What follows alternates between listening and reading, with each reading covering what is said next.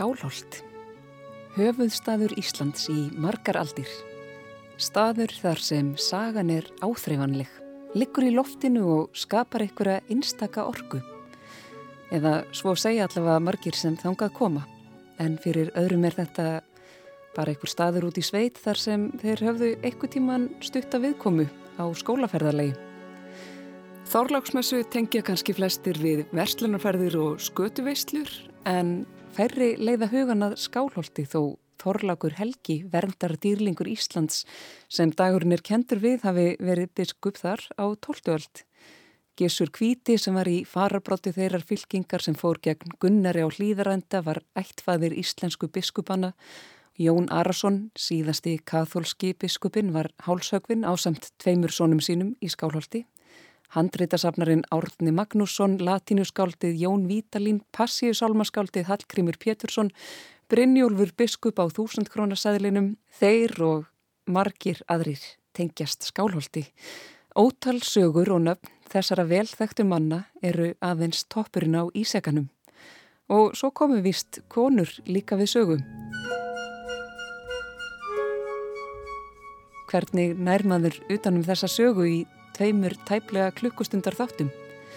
Það likur í augum uppi að mun lengri tíma tæki að fara línulega yfir sögu skálholts ef einstakir atbyrður og personur eiga að fá sitt rými. Þess vegna verður hér stungið niður á stöku stað í engri sérstakri röð við svífum yfir skálholti í tíma og rúmi og lendum mjúklega á ýmsum stöðum. En hvar skal byrja?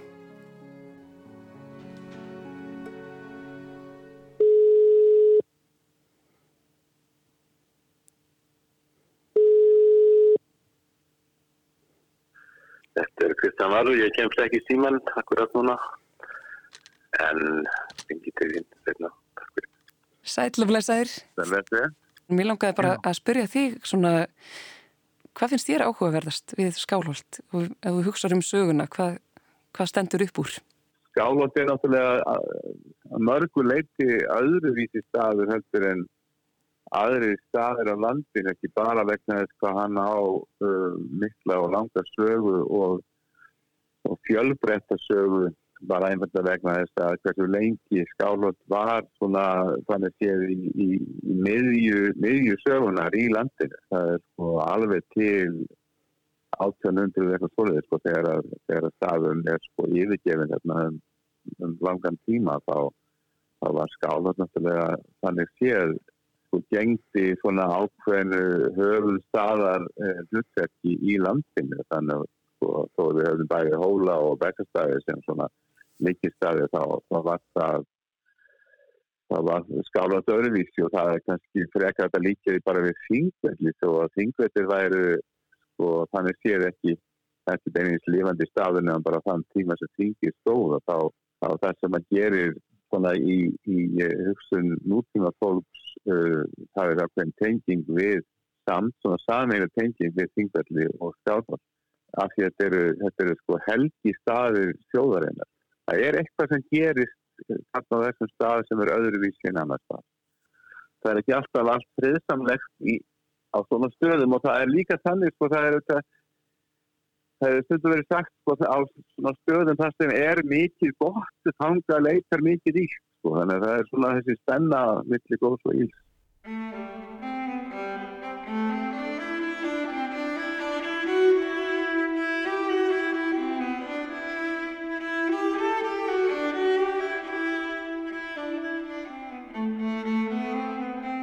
Við sér að Kristján Valur Ingólfsson fyrrum vikslubiskup í Skálholti rættum um ýmsar áberandi personur úr sögu Skálholt sem sumar munu fá sitt rými en aðrar ekki því meður.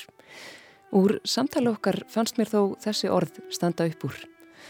Á stöðum þar sem er mikið gott þangað leitar mikið ílt. Ef til vill kjarnast í þessum orðum orkan sem svo margir segjast finna fyrir í Skálholti. Ég ákvaða að mæla mér mót við annan prestvíðan mann sem er fróður um fjölmart úr sögu Skálholts. Karl Sigurbjörnsson, fyrverandi biskup Íslands.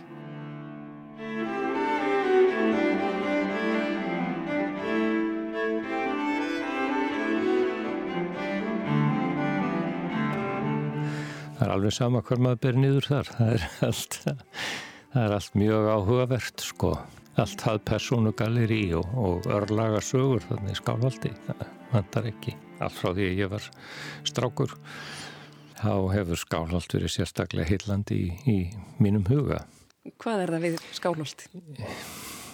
Sko það er, það er mjög falleg setning upp af setning í, í öðrum kaplanum hjá Guðmundi Kampan í sögunni um, um Ragnheiði, Skálholt.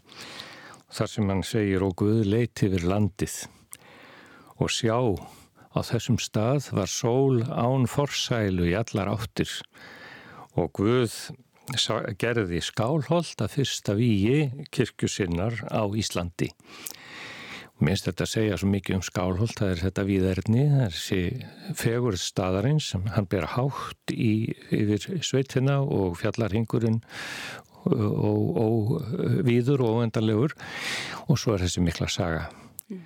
Og þegar þú kemur þarna í, á skálholt stað og kemur inn í skálholtskirkju þá veistu að þessi kirkja, eða þarna hefur staði kirkja alveg frá því árið þúsund eða upp úr árinu þúsund og þannig er Gísur Hvíti, Ísleifur, Gísurarsson, fyrsti biskupinn og síðan allar göttur og, og fram til þessa dags.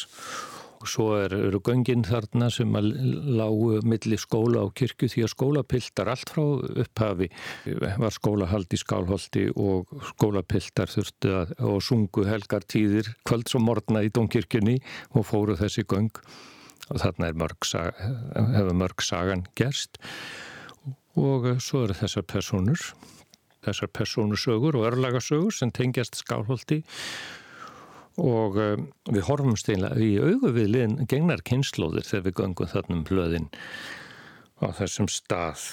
Nú Já, Þorlákur Helgi, jú, allir Íslendingar þekkja Þorláksmessu þó að það sé kannski fara að dopna svolítið yfir min, minni þeirra kynsloði sem eru uppi núna um það hverju, hvers vegna það heiti Þorláksmessa en það er einmitt sko 2003. desember ánardagur Þorláksbiskups sem kallaði var hinn Helgi og taldist verndardýrlingur Íslands E, fæðingadagur hans þekkist ekki en hann mun fættur 1133 og hlýðarenda í fljótslýð og þeim fagra stað og svo er önnur Þorláksmessa, það er Þorláksmessa á sumri 20. júli og það var bara eh, þjóðháttíðardagur eh, eiginlega í Íslandinga eh, í margar aldir.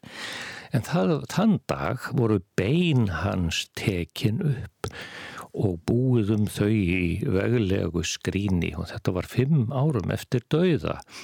Þá lásen hann sem sagt dó 23. desember 1195 og þá sem sagt hafði alþingi ákveðið að hann yrði tekin í tölu helgra manna. Og, og það var ekkert engin tilviljun, það var margt sem bara því. En þessi ungi drengur uh, í, frá hlýðarenda misti föður sinn og móður hans flytur með hann í otta á rángarvöldum og það var mikið höfðingjasetur og mikið menningarsetur skólastaður og þar er, er kemst Þorlákur til menta og hann, hann að þessum, þessum merkilega stað og, og hann hérna verður fer síðan í, hann verður prestur og, og fer til náms í París. Og, og frá París fer hann til Lincoln á Englandi og það, það er mjög fallegur staður. Ég hef komið til Lincoln og, og þar í þar var lengi prestaskóli.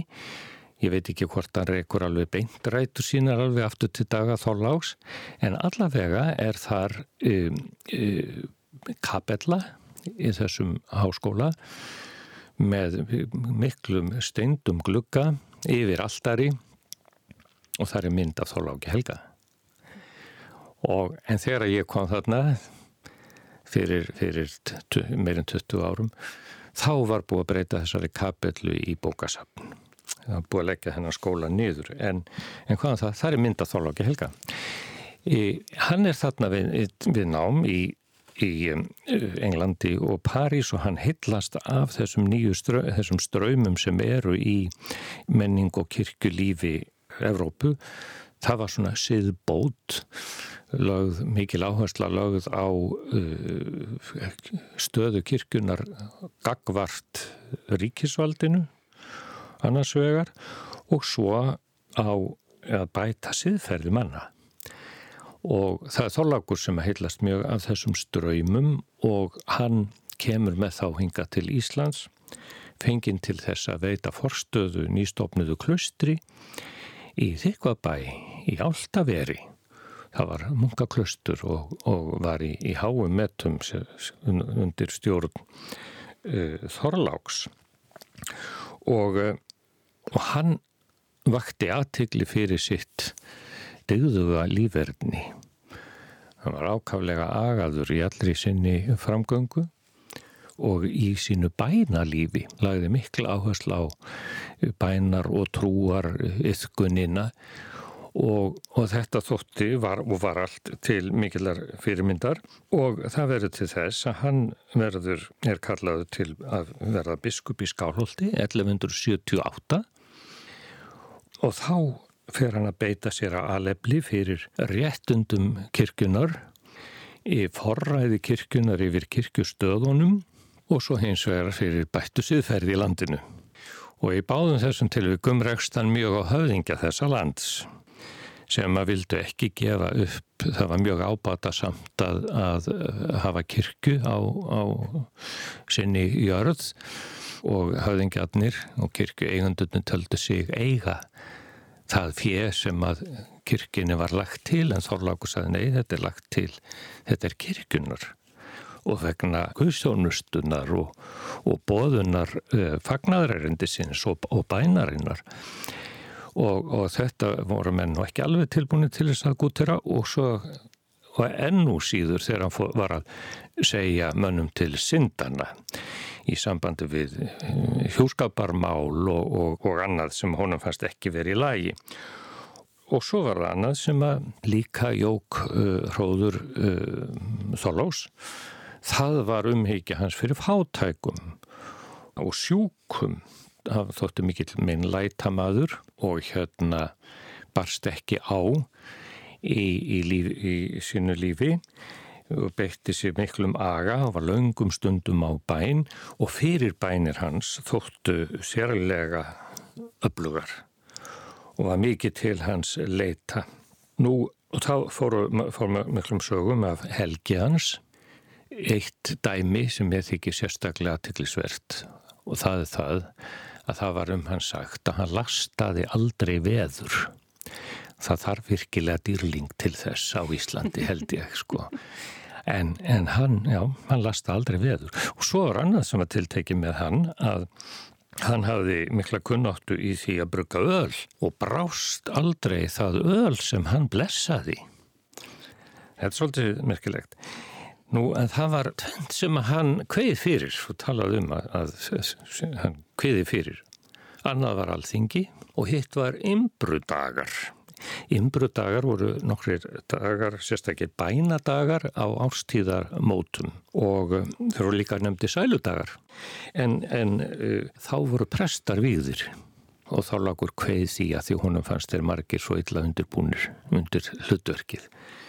En og, svo, og hann kveið alþingi vegna þeirra illdeilina sem þar voru gjarnan.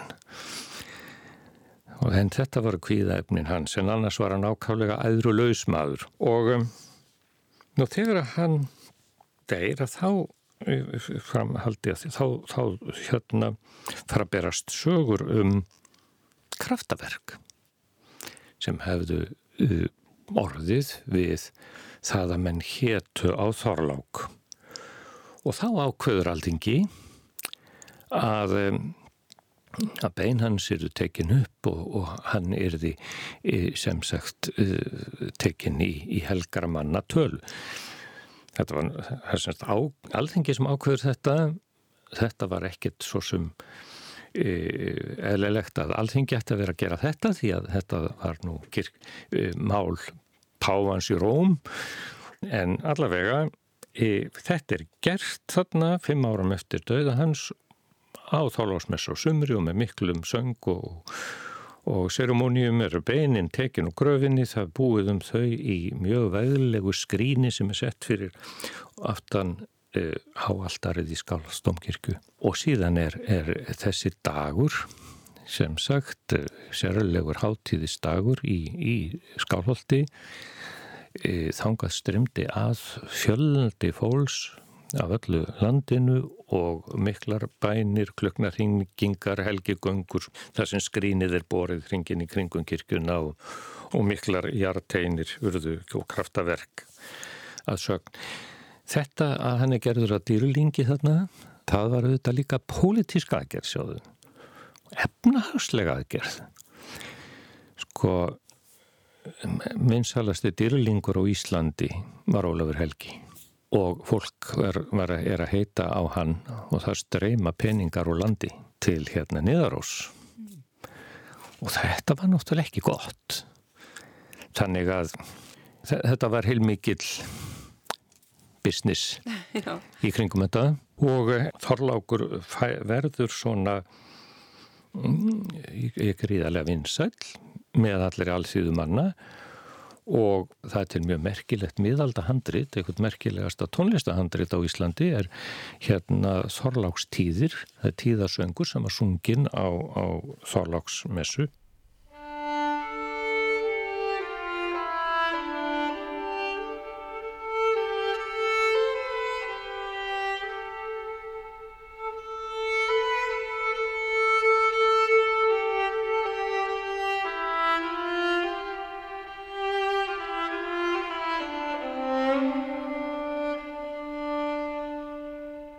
það var sagt um Þorlák að hann væri árnaðar maður miskunnar við almáttugan Guð og áheit á hann væri sérlega áhrifamikil. Af öllum helgum mönnum var engin Íslendingur ljúfari til áheita en Þorlákur og slíkur ástgóði var hann mönnum til ákals að allir þóttust finna raunabót er á hann héttu, ríkir menn og óríkir, í hvers konar vanda er þeir voru stattir. Þetta er nú ekki ónýtt. Nei. Nú Helgi hans var sem sett út um alland en líka öðrum löndum og mér er sagt að í kirkjubægi færum í, í miðaldakirkjurústinni sem er þar þar var varðveittur helgi dómur Þorlákshelga, einhverju flýsir, flýsar úr, úr beinum hans.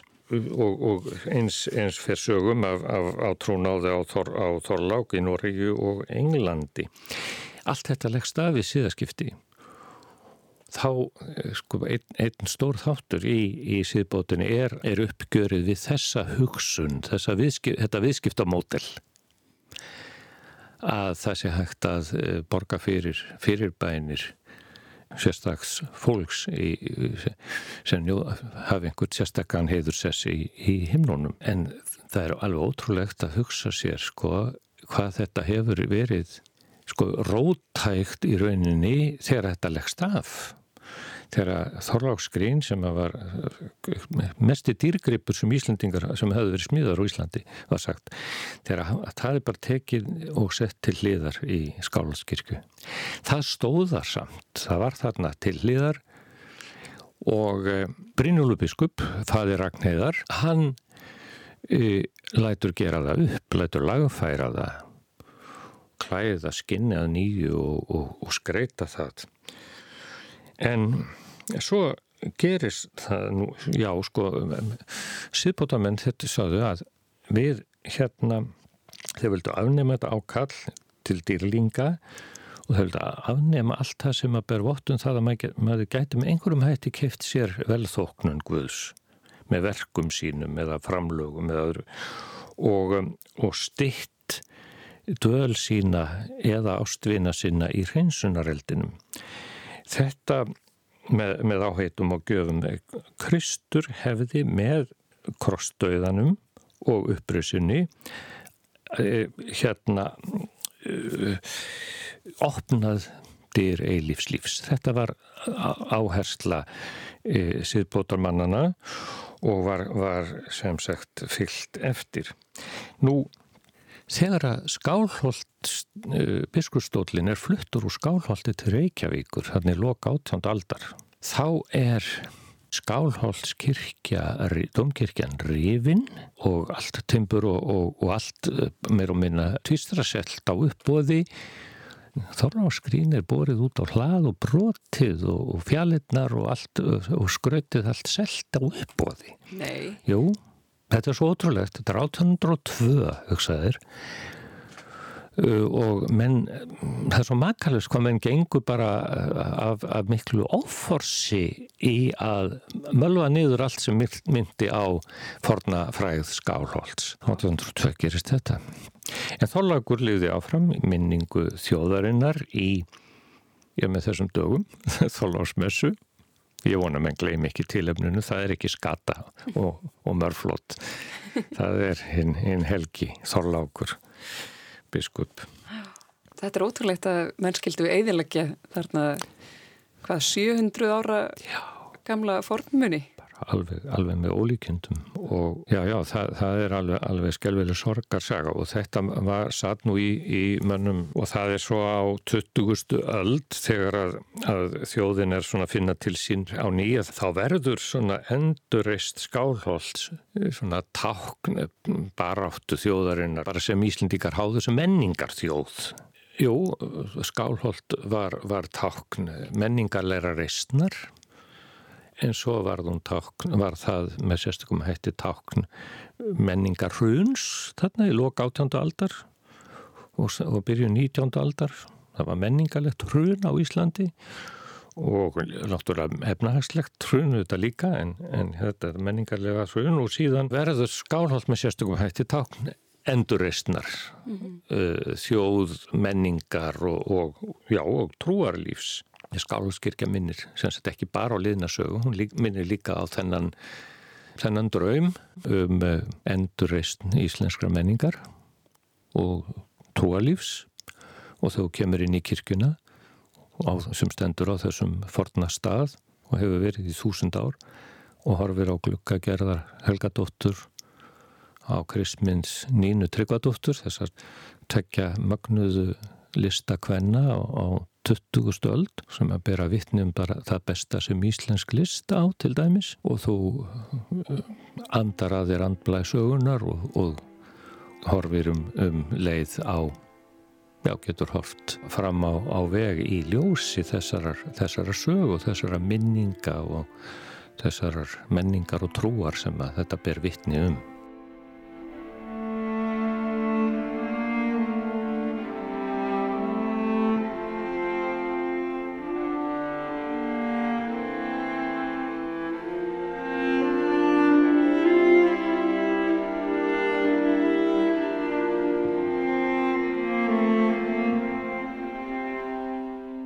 eins og Skálvöld, hann er auðvitað mjög mikið mótaður af því hvernig sagan er sjáð og sagan hefur náttúrulega gætna verið sjáð mjög mikið út á biskupunum sem voru þarna og þeir, þeir tók út af því einhverju svona en og, og það var ekki fyrir bara núna þegar að, að hún Hildur Hákvæðandóttir fór að skrifa um biskupsfrúrna sem voru að draga það var, var ekki bara það að þetta væri bara kalla sem var þarna, þetta var stormarsku konur líka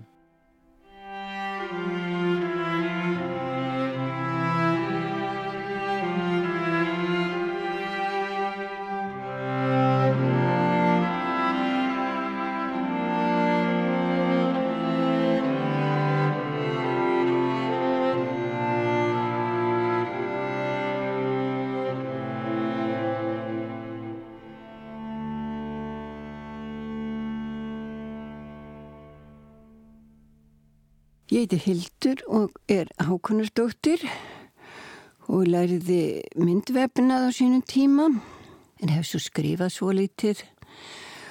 Ég kem eiginlega að þessu máli þannig að ég var að velta fyrir mér listasögunni og þessari miklu og glæsilegur teppagerð sem að hafði verið á hólum og af hverju Mér fannst eins og hér fyrir sunnan í skálholti að það hefði ekkit verið neinn hvenna menning að borði það sem var fyrir norðan. Og einhvern tíma þá orða ég þetta við Karl Biskup að það, eh, við vitum ekkert um þessar konur, það ég verið hér nokkuð kvennamenning og, og við vitum ekki einu sinni hvað er hétt og hann tekur þessu nú, en kirkjunni trúr og tekur þessu frekar illa og segir þetta er ekkert satt og svo kvörpum við aðeins um þetta en næstu ég hitt hann þá réttir hann með lista með nöfnum allra kvennana frá lúterskum tíma.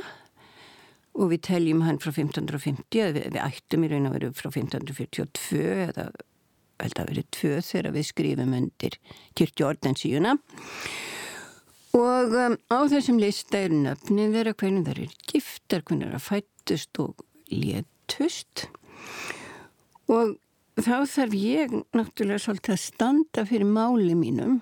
Og af því að ég hafði reynd að kynna mér þær en það var ég forvitin.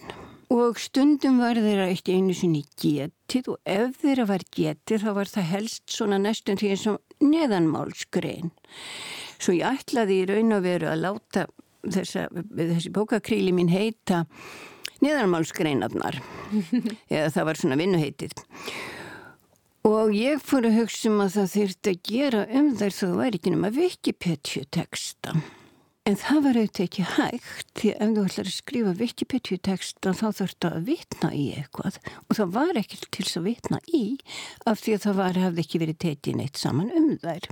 En svo reyndist þetta bara svo spennandi vegferð að ég held að hann hafi tetið með 2-3 ár bæði að grafa þær fram og eins að sjá samhengið á millið þeirra. Þetta eru mjög skemmtilegar bækur og dálitið óvinnilegur stíl. Þarna mætast fræðibók og skáltsaga af þessu leiti.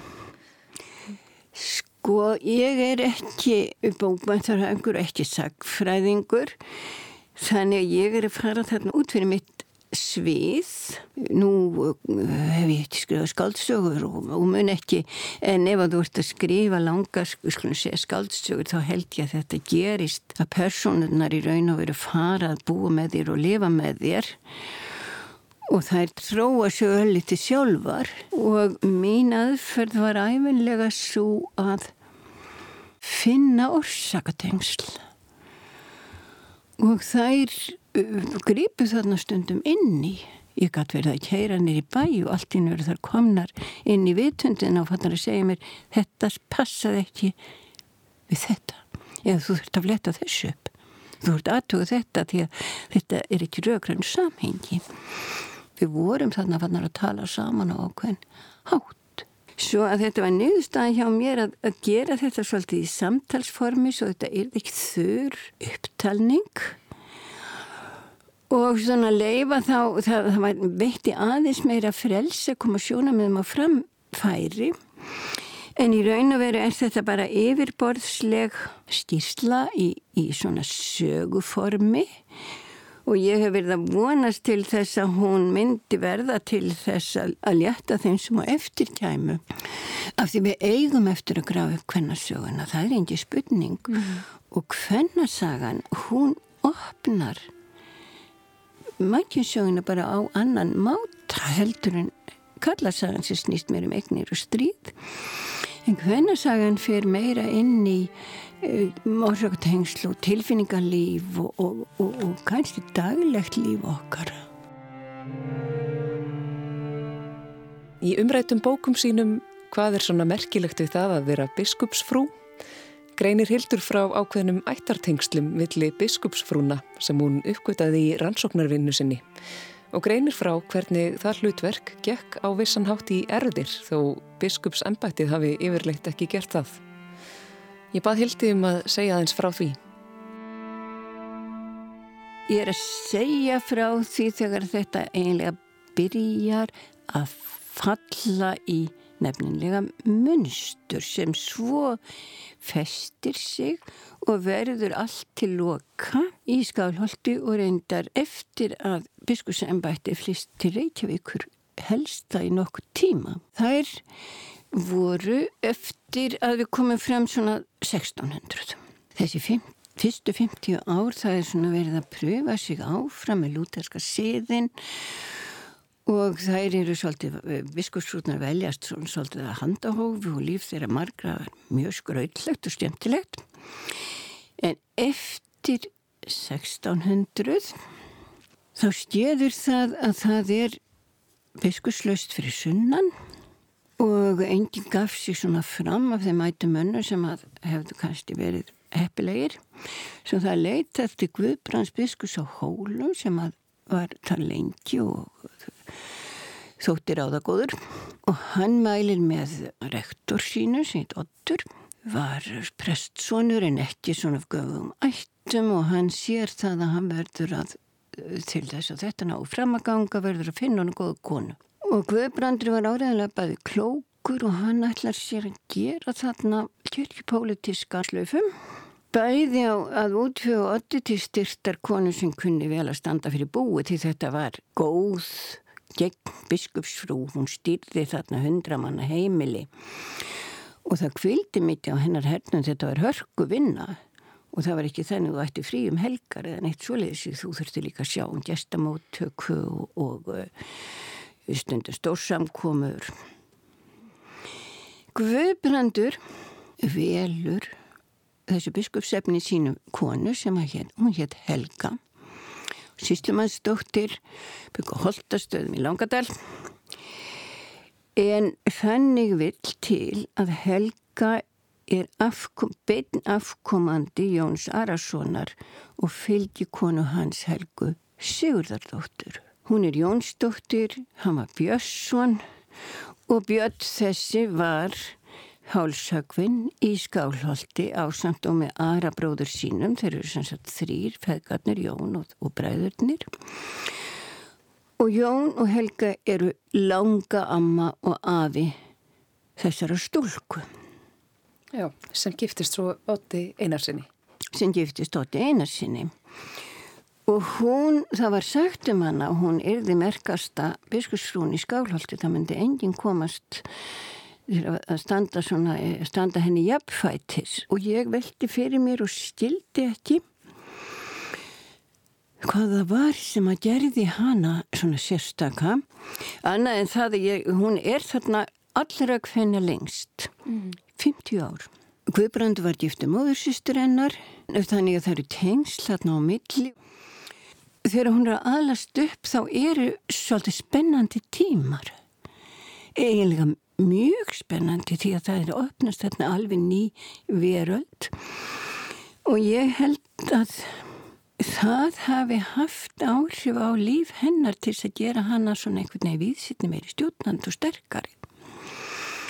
En auðvitað hafði sko Guðbrandur annað í huga þegar hann velur hana en hún sé gott húsmáðurhefni heldur er svolítið eins og þegar kongaættir vilja sættast hér á, í, Evrópa og öldum áður það er ennþá opn sár eftir að feðgarnir eru teknir að lífi í skálholti og það er, ekki, það er bara 50 ár liðin þá voru sárindi margvísleg líka eftir herrferðirna sem að Jón fór söður því að það, það, það voru ekkit alltaf svona kurtisis heimsóknir og menn rendu hestum og nöguðu konum og, og það skeið allt mögulegt en það gerist bara í herrferðum Svo það þurfti eiginlega að græða þessi sár, læja öldur tilfinningan sem maður segir og ég held að það hefur verið þess vegna sem Guðbrandur velur þarna afkomenda Jóns og Helgu mm. til að fara söður og setjast í biskupsfrúar stólinn þar. Þannig heldur hann hafi þá valið biskup ekki síst út frá konfangi að... Ég held að þetta hefur verið tilgangu Guðbrands. Mér finnst það líka nokkuð ljóst fyrir. Og tókst reyndar ágætlega þannig. En Helga er uh, skörungur. Og það er engin evi og hún ætlar sér að stopna þarna sitt veldi. Og ég held að hún hafi líka alltaf einhver staðar bak við hennar huga. Hafi ríkt þetta gamla sem að skörungum á Íslandi, hvern skörungum var eignað að það var að hefna sín, hefna sín svolítið. Hvernig náðum fram hefndum þá? Ég held að hún hefði gert það þannig. Hún byrjar á því að setja svon sinn, hún, hún sér til þess, það er alveg ljóst á sögum, að svonur þeirra gísli verður kosin næsti biskup. Hún giftir hann svo frænt konu sinni sem er afkomandi Ara, þannig að eru, þau eru þrýða fjórmenningar. En Guðrún þessi, hún dó mjög snemma ef hún var búin að vera ári í skálhaldi og hún deyr af brjóstmæði þegar hún var ala barn og barni deyr. Svo þetta verið mikil sorg og Helga er þá orðin sem sagt ekki og hún verður ráðskona hjá sinni sínum. Svo að þau ár sem hann átti ólífað, sem voru 6 eða 7, þá er heldur hún áfram að vera í skálvaldi sem ráðskona hans og þá er hún búin að vera þarna næstum í hálfa öll. Þá fellur hann frá, hann lést á þingvöldum. Mm. bara upp við alltarið endur messum. Þetta var áhrifa mikið þing og þeir létust tveir, bæði hann og síslumadurinn. Síslumadurinn okkur fyrir norðan og um, fyrir báðir farið með þá heim í skálhald og þarna sapna saman fullt af fólki og þarna er verið að ákveða hver minni taka við biskussembættinu næst. Helga ræður þar en öllum og þá er Brynjóli Sveinsson komin yfir inn í myndina.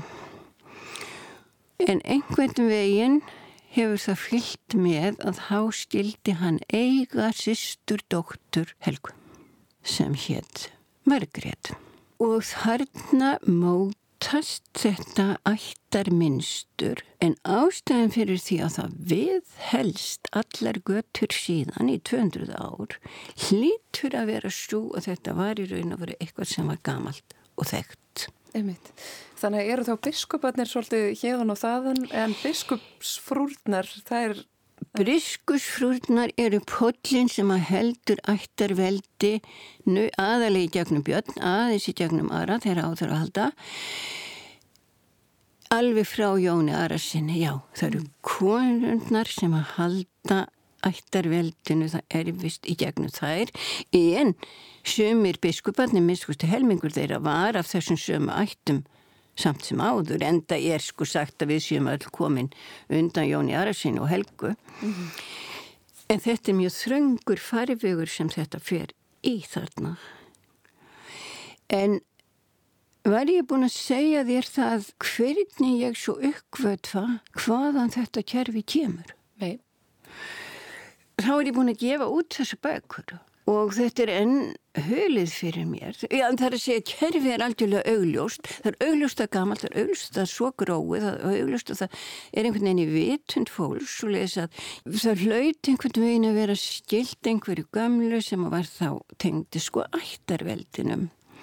En svo er mér bent á það og það finnst að í gamlu norsku ættarriti þá höfðu gott skálkarnir og gott skálk var í Grimmi, forfjöður hans eða ættingjar hafðu trísar áður verið á hólum.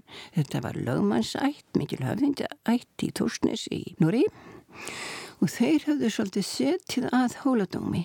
Og einmitt nota þetta sama kerfi og gott sagt forgengil Jóns, hann var svo fjóruði í röðinni sem að hafði setið á hólum og svo sé, er mér bengt á þetta í norsku ættaritt að það er þetta reykið, rækið að ákveða þessi rittaragangur er notaður þar.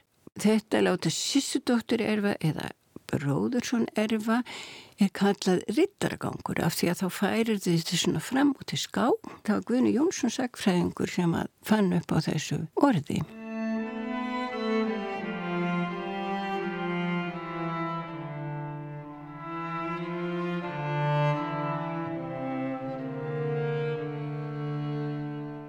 Hildur Hákunardóttir rækti hér sögu ættarveldis sem við helst í gegnum biskupsfrúrnar og stundum biskupana frá barna barna barni Jóns Arasonar, Helgu Jónsdóttur eiginkonu Otts Einarssonar sem var biskup í Skálholti í 41 ár eða til ásins 1630. Gísli sonur þeirra tekur síðan við ennbættinu og kvænist fjórmenningi sínum Guðrúnu Björstóttur sem var afkomandi Jóns Arasonar í móðurætt. Gísli Ótsson fjall frá aðeins 45 ára eftir 6 ári ennbætti. Rittaragangurinn hjælt svo áfram þegar Brynjólfur Sveinsson tók við ennbættinu en eiginkona hans var Margrét Halldórsdóttir og þau hjónin voru líka fjórmenningar frá Jóni Arasinni. Við heyrum nú í Fridriki Erlingsinni.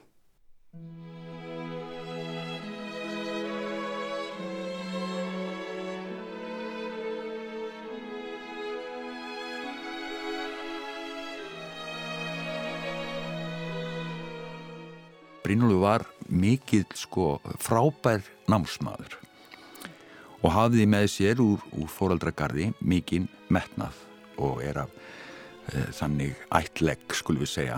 Og þetta er svona ætt sem er svona já, við vitum hver við erum og hvað við getum og við ætlum okkur stóra hluti í lífinu. Já. það er svolítið svona tótnin í þessari ætt, ættleggnum Akkurat, Hildur Hákon og dóttir bendið mitt á þessi, þessi tengsl við hann Já. varandi biskupsfrúrnar. Já, einmitt, sem er alveg stórmerkilegt ritt hjá henni, Hildi, og ég hafði unun af að lesa það og mér varst frábært hvernig hún tók utan um uh, sögu Margreðar uh, Haldurstóttur sem var síðar biskupsfrú í Skálholti, eiginkona Brynjáls.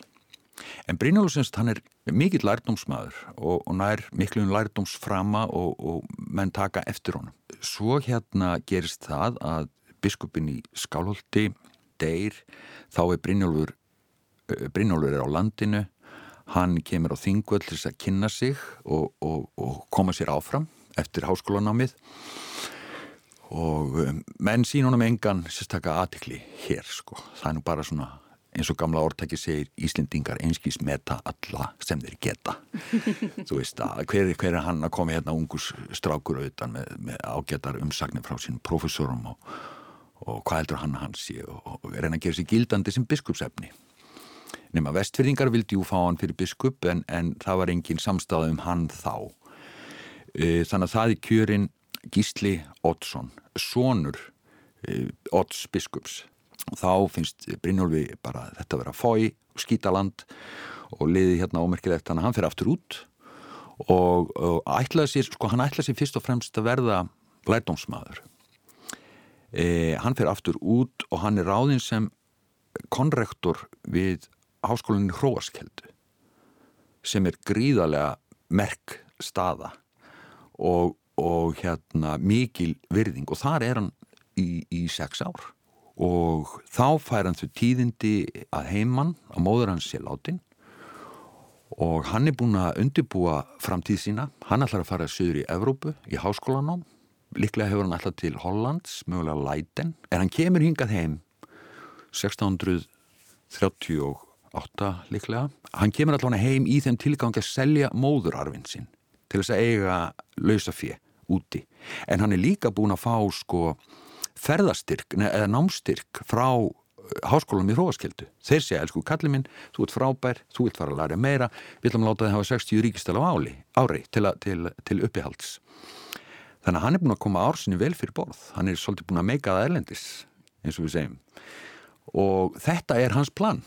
Og hann kemur heim og kemur náttúrulega á Þingvöld og þá sagt, eh, er Gísli Ottsson að, að taka síðustu andartökin á Þingvöldum og deyr þar og Brynjólfur uh, sagt, ákveður eða, eða sér ekki fram á hana að hann verða að fylgja líkfyldinni frá þingvöldlum til skálholts.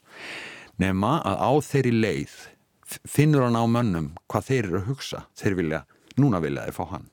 Núna er hann orðin sko frábær og, og hámentaður og mentaðist í maður landsins og allt það. Núna vilja þeir fá hann fyrir biskup þannig að hann yfirgefur líkfyldina sem er náttúrulega mikið óvirðingar merki á þessum tímum. En hann fer östur í Borgarfjörð þánga berstónum kjörbrefið úr skálholti. Sem sagt prestatnir allir í skálholtstifti prófastar komið saman. Það var svo hópur sem valdi biskupa og gaf út kjörbref sem biskups efnið fór síðan með til konungs og konungur bara hefði fyrir því að konungur samþykti kjör landsmanna hvaða mann þeir höfðu valið sem biskup þannig að hann vill ekkert af þessu kjörbrifi vita en hann neyðist til þess að fara út með þetta kjörbrif. Áður en hann skilur því af sér til eh, kanslarans þá er hann búin að skrifa langt og mikið afsökunarbrif á latínu að byggjast undan ennbættinu hann segir ég er búin að skipuleika mitt lífi í allt aðra áttir, ég ætla mér að gera allt annað. Hann bendir á skólabróður sin og vinn sem var líka hámentaði maður Þorður í Hítardal, sér að Þorður í Hítardal sem Þorðabók landnámiður kent við. Mikill fræðimaður og, og Brynjólfur agitera fyrir honum, hans ég maðurinn. Hann vil eitthvað ekki og byggst allra náðarsamlegast undan því að, að fá þetta. Og það er sett saman nefnd í kansilínu sem les þetta brefan sem er skrifað á latínu og hefur vel að merkja aldrei verið þýtt yfir á íslensku í fullum fetum. Uh, en ég er með menn í málinu. Ég er með sérfróða menn í málinu fyrir mig. Þegar mér langar til að eiga þetta bref alltaf á, á íslensku. En sem sé þetta afsökunarbref hans er lesið yfir og tekið fyrir að þessari nefnd og niðurstann er svo að það sé bara óverjandi að maður hafni því að taka við ennbætti úr hendi konungs bara því miðukalli minn þú verður bara að gjöra svo vel mm. ef þú ætlar að segja nei og halda þínu til streitu þá skalt ekki búast til því að fá nokkuð ennbætti framar. E, e, eða neins konar tilbúður hendi konungs þá ert þú bara ekki okkar maður Mitt. það er basically það er, skilabóðin sem hann fær þannig að hann verður að gjöra svo vel að beigja sig undir þetta okk kemur síðan hingað heim viður biskup og tekur við skálholdstól. Ég held í muni þetta örgla rétt að það er 1639. Og fylgir því ekki ákveðið kvonfang þess að biskupsembættir? Sko, það, uh, málið með kvonfangið, málið með Margreti er mjög áhugavert og mjög mjög mjög aðdeklisvert hvernig Hildur setur þetta upp. Það er að vísu, sko, það getur aldrei hafa verið skilirði allavega ekki eh, get ég átta mig á hvernig það megi hafa verið sko, að vísu má segja að þarna sé sko stjett heldra fólks á Íslandi þessi litla yfirstjett, hún var smá hún var fámenn og, og allir þekktu alla þar og reynda að halda tengingunum, sko að gifta og ákveða hjónabönd eh, badna, sko að, að þau skildi giftast þegar kemist á giftingaldur og svo framvís til þess að viðhalda auði og, og eignum á, á réttum stöðum og allt myndi ekki týstrast bara út um allt. Mm -hmm. Það var mjög stórt mál. E, við vitum það.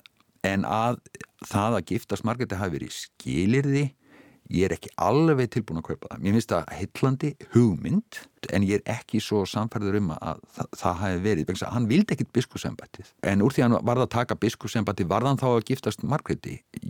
Ég myndi segja já og nei, það er ekki hægt að segja að það var skilirði hvernig þau hafa alltaf haft mikinn tíma til að kynnast Brynjólfur og Margret hver sem baksagan þarna er þá ganga þau í hjónaband. Já. Ég las að þau þurftu að fá undan þá til þess að mega gangi í hjónaband af því þau voru fjórmenningar og það voru svo Já, þau glemir því ekki, 17. öldinni tími Stóradóms. Akkurat og Stóridómur voru siðferðislög. Já þau eru bara svona pjessi nútímans í tíundaveldi sko. Algjörlega, þú máttir ekki... Máttir ekki neitt nei. og máttir ekki neitt sko. Þú máttir ekki giftast ekki bróður þíns nei, nei, nei, nei, nei, og það er alls konar svona í þessum dúr og, og, og við öllu því og það er náttúrulega stóri dómur og þessi lagabálkur kemur, er náttúrulega grundvöldinu undir þá tragedíu sem síðan verður í sögu Ragnhæðar og Dada og, og allt það sko þessi svona strángi siðferðisrammi sem er í gangi á þessum tíma, það er ekki hægt að skoða þetta tímabil í okkar sögu nema að vera sem meðvitar um þennan stránga ramma. Sérstaklega fólk af efri stjettum gati ekki leift sér hvað sem var sko Pöpullingat náttúrulega við út um allt og eignast krakka í lausaleg og jújú jú, það fekk sínar, sín svipuhögg og þurfti að greiða sína ríkistali í sektir og, og, og gerði það eða gerði það ekki skilur og held áfram bara að vera til. En það væri við svo svolítið útdauð ef að í dag ef að, ef að efri stjettin hefði átt að vera leiðandi eða ráða öllu sko.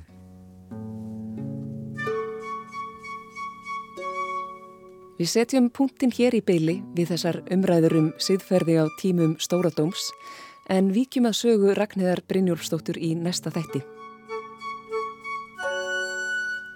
Viðmælendur mínir í þessum þætti voru Kristján Valur Ingólfsson, Karl Sigur Björnsson, Hildur Hákonardóttir og Fridrik Erlingsson en lengri útgáfur þessara viðtala má finna á heimasíðu Skálholts, skálholt.is.